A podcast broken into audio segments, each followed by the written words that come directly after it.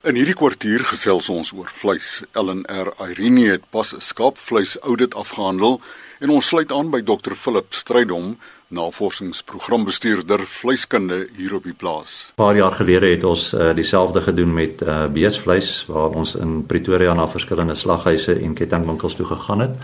Na die lendesnit gaan uh, gaan koop het soos wat 'n verbruiker ons sal koop en hierdie keer het ons dieselfde gedoen met uh, skaap lende chop Ons het na 12 slaghuise en 5 kettingwinkels oor die groter Pretoria gegaan. Uiteindelik 23 produkte gehad want uit die aard van die saak het 'n uh, party van die slaghuise meer as een 'n tipe skaap of 'n skaaplende produk dan. En ons het dit soos die verbruiker oor 'n aantal maande gedoen sodat ons die variasie ook kon uh, bepaal in die kwaliteit soos wat uh, tyd aanloop. Ons het gaan kyk na spesifieke handelsmerke, byvoorbeeld of dat dit maar net generies skaapvleis is en daar was selfs verskille in verpakking. Die verbruiker sal self weet as hy na uh, so slaghuis toe gaan, mag hy dit van agter die toonbank koop of hy mag hom in 'n in 'n verpakking kry waar daar net bloot 'n plastiek film boor is of 'n spesifieke verpakking wat nou uh, meer gesofistikeerd is of selfs vakuumverpakking en dan mag sekere beskrywings op die uh pakket wees en sekere produkname mag daar verskyn en dan natuurlik is daar 'n prys aangekoppel. En soos ons almal weet, skaapvleis is redelik duur of lamsvleis dan. In hierdie geval was dit altyd lam en daar's 'n redelike variasie in die in die in die prys daarvan. Wat ons dan gevind het is ons het 'n klomp interessant hier is om na verskeie uh, kwaliteitseienskappe gaan kyk. Onder andere dan het ons dit vir 'n proepaneel gegee by ons en hulle het na sagtheid uh sappigheid, smaak en enige bykomende smake. Ons ons wil dit nie afsmake noem nie omdat dit smaak 'n baie persoonlike kwaliteitseienskap is en ons het na verskeie variasies van uh smaak gaan kyk. Dan het ons sommer uh, hierdie chops ook gevat en hulle gedissekteer en uh, werklik gekyk hoeveel vleis is daar dan relatief tot been en en vet en ons het na die kleur gekyk en ons het na vogverlies gekyk as as ons nou die die produk op die rak sou sit ensovoorts. Om min of meer op te som dan het dit nogal sin gemaak dat uh, duurder snitte het ook minder vet bevat. En uh, as 'n mens na skaapchops op die rak gaan kyk, sal jy baie keer sien dat hy so 'n sterkie aan het wat hier na die ribse kant toe gaan en die snitte wat dan uh, per kilogram minder gekos het, het gewoonlik 'n groter uh, hoeveelheid van daardie vet gehad wat natuurlik sekere mense se voorkeur is. Ons het onder andere drie Karoo lam produkte ook getoets behalwe vir uh ander aannames wat op die etikette gemaak was soos uh, free range of vrylopend en dan soos ek sê ander produkte was maar net generies geweest.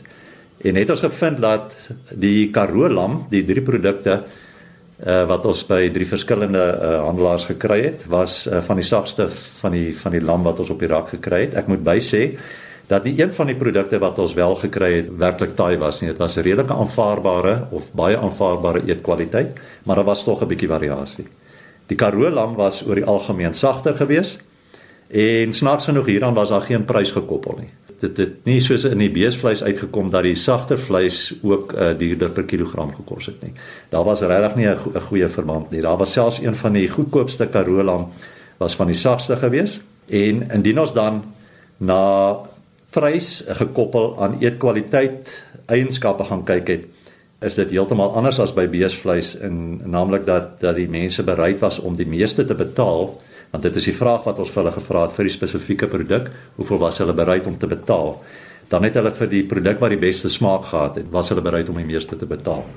So op sommige wyse prys lyk my is gekoppel aan smaak by skaapvleis en aan die hoeveelheid uh, werklike eetbare produk as ek nou net van spier kan praat of die vleisgedeelte en die vet nie, maar dit in 'n neute dop.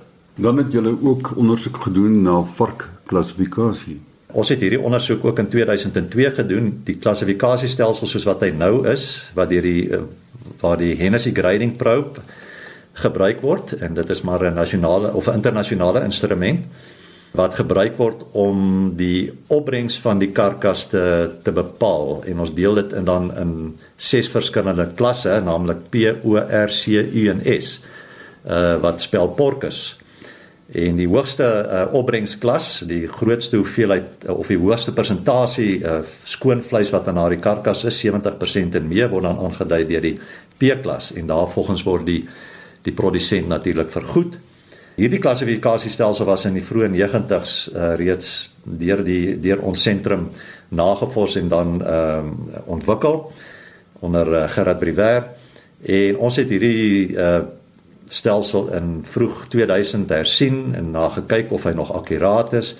Nou het ons gevoel is dit weer tyd omdat ons almal weet dat die dat die tipe vark wat in Suid-Afrika geproduseer word en natuurlik wêreldwyd as gevolg van beter genetika, voeding en allerlei ander groeifaktore wat gebruik word, hierdie karkasse word groter, hulle neig ook om maarder te wees.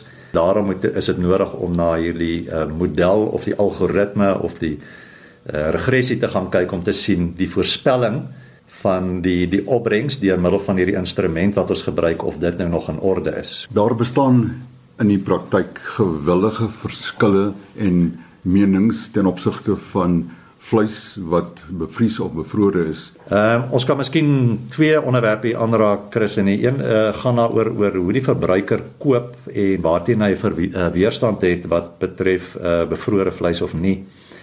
Wat dikwels gebeur en jy sê saam, my saamstem is dat ons in groot maat aankoop en ons dring aan dat dit vars vleis moet wees en nie bevrore nie want daar hang al 'n stigma oor oor bevrore vleis.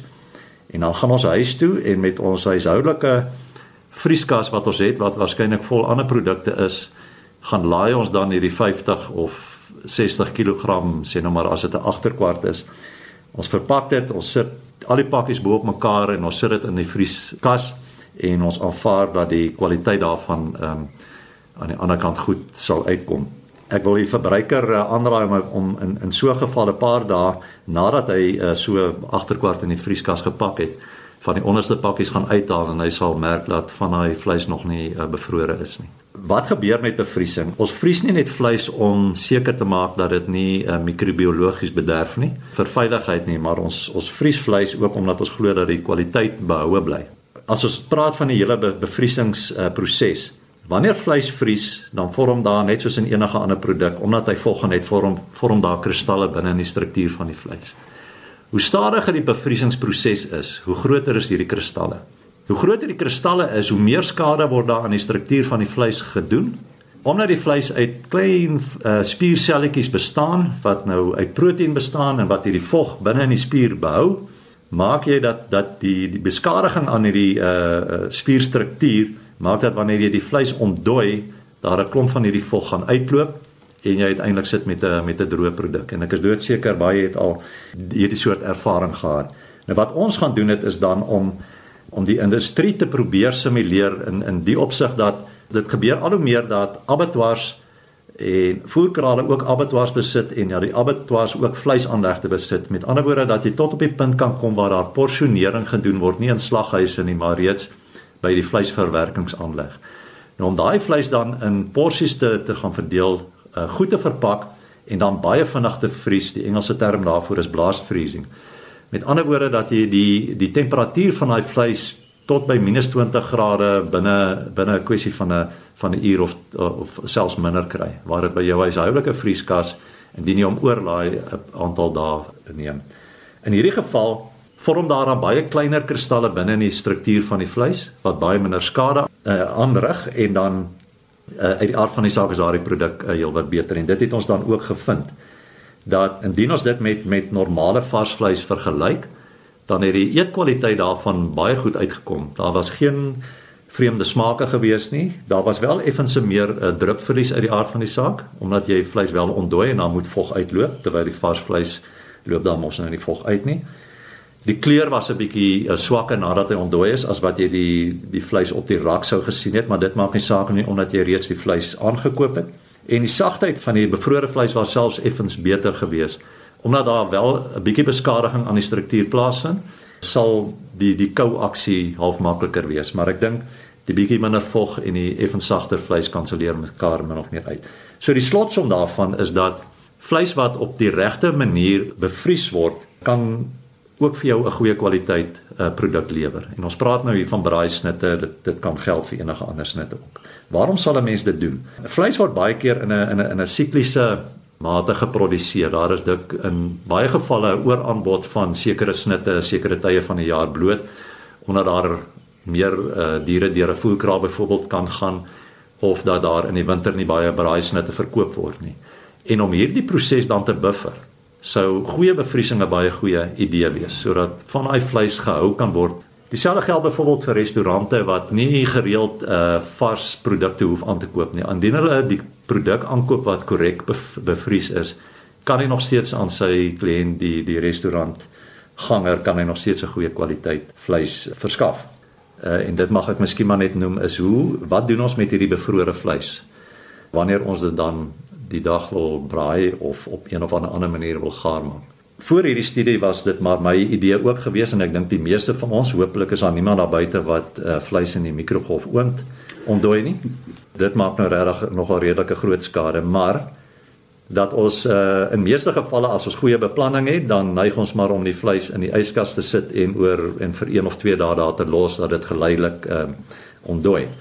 Nou wat ons gevind het wat eintlik die die res van die literatuur vir ons sê is indien ons daardie vleis baie vinniger ontdooi sonder om dit natuurlik gaar te maak, dan sit jy ook met 'n baie beter produk. So onthou nou ons het die vleis reg bevries om hom reg te ontdooi sou ideaal wees dat jy byvoorbeeld vakuumverpakte snit of een wat selfs net in 'n goeie uh, plastiek houer is, dat jy hom dan in louwarm water sit en so gou as moontlik ontdooi. En hom dan op die vuur sit of hom gaar maak.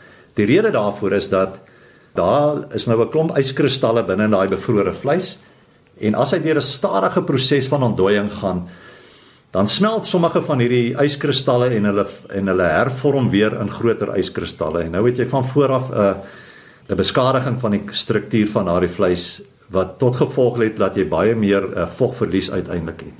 So die hoeveelheid vog wat daar onder in daardie houer of in die sak dan lê, maak dat jou eetkwaliteit in terme van sappigheid en sagtheid en selfs smaak uh, baie minder gaan wees. So dit is belangrik om vleis uh ook reg te ontdooi behalwe daarvoor dat jy hom dan reg bevries. Dr Philip Strydom, navorsingsprogrambestuurder vleiskunde by LNR Irene, ook buitengewone professor in die departement veekundige wetenskappe aan die Universiteit van Stellenbosch. Sy e-posadres: pstrydom@arc.agric.za.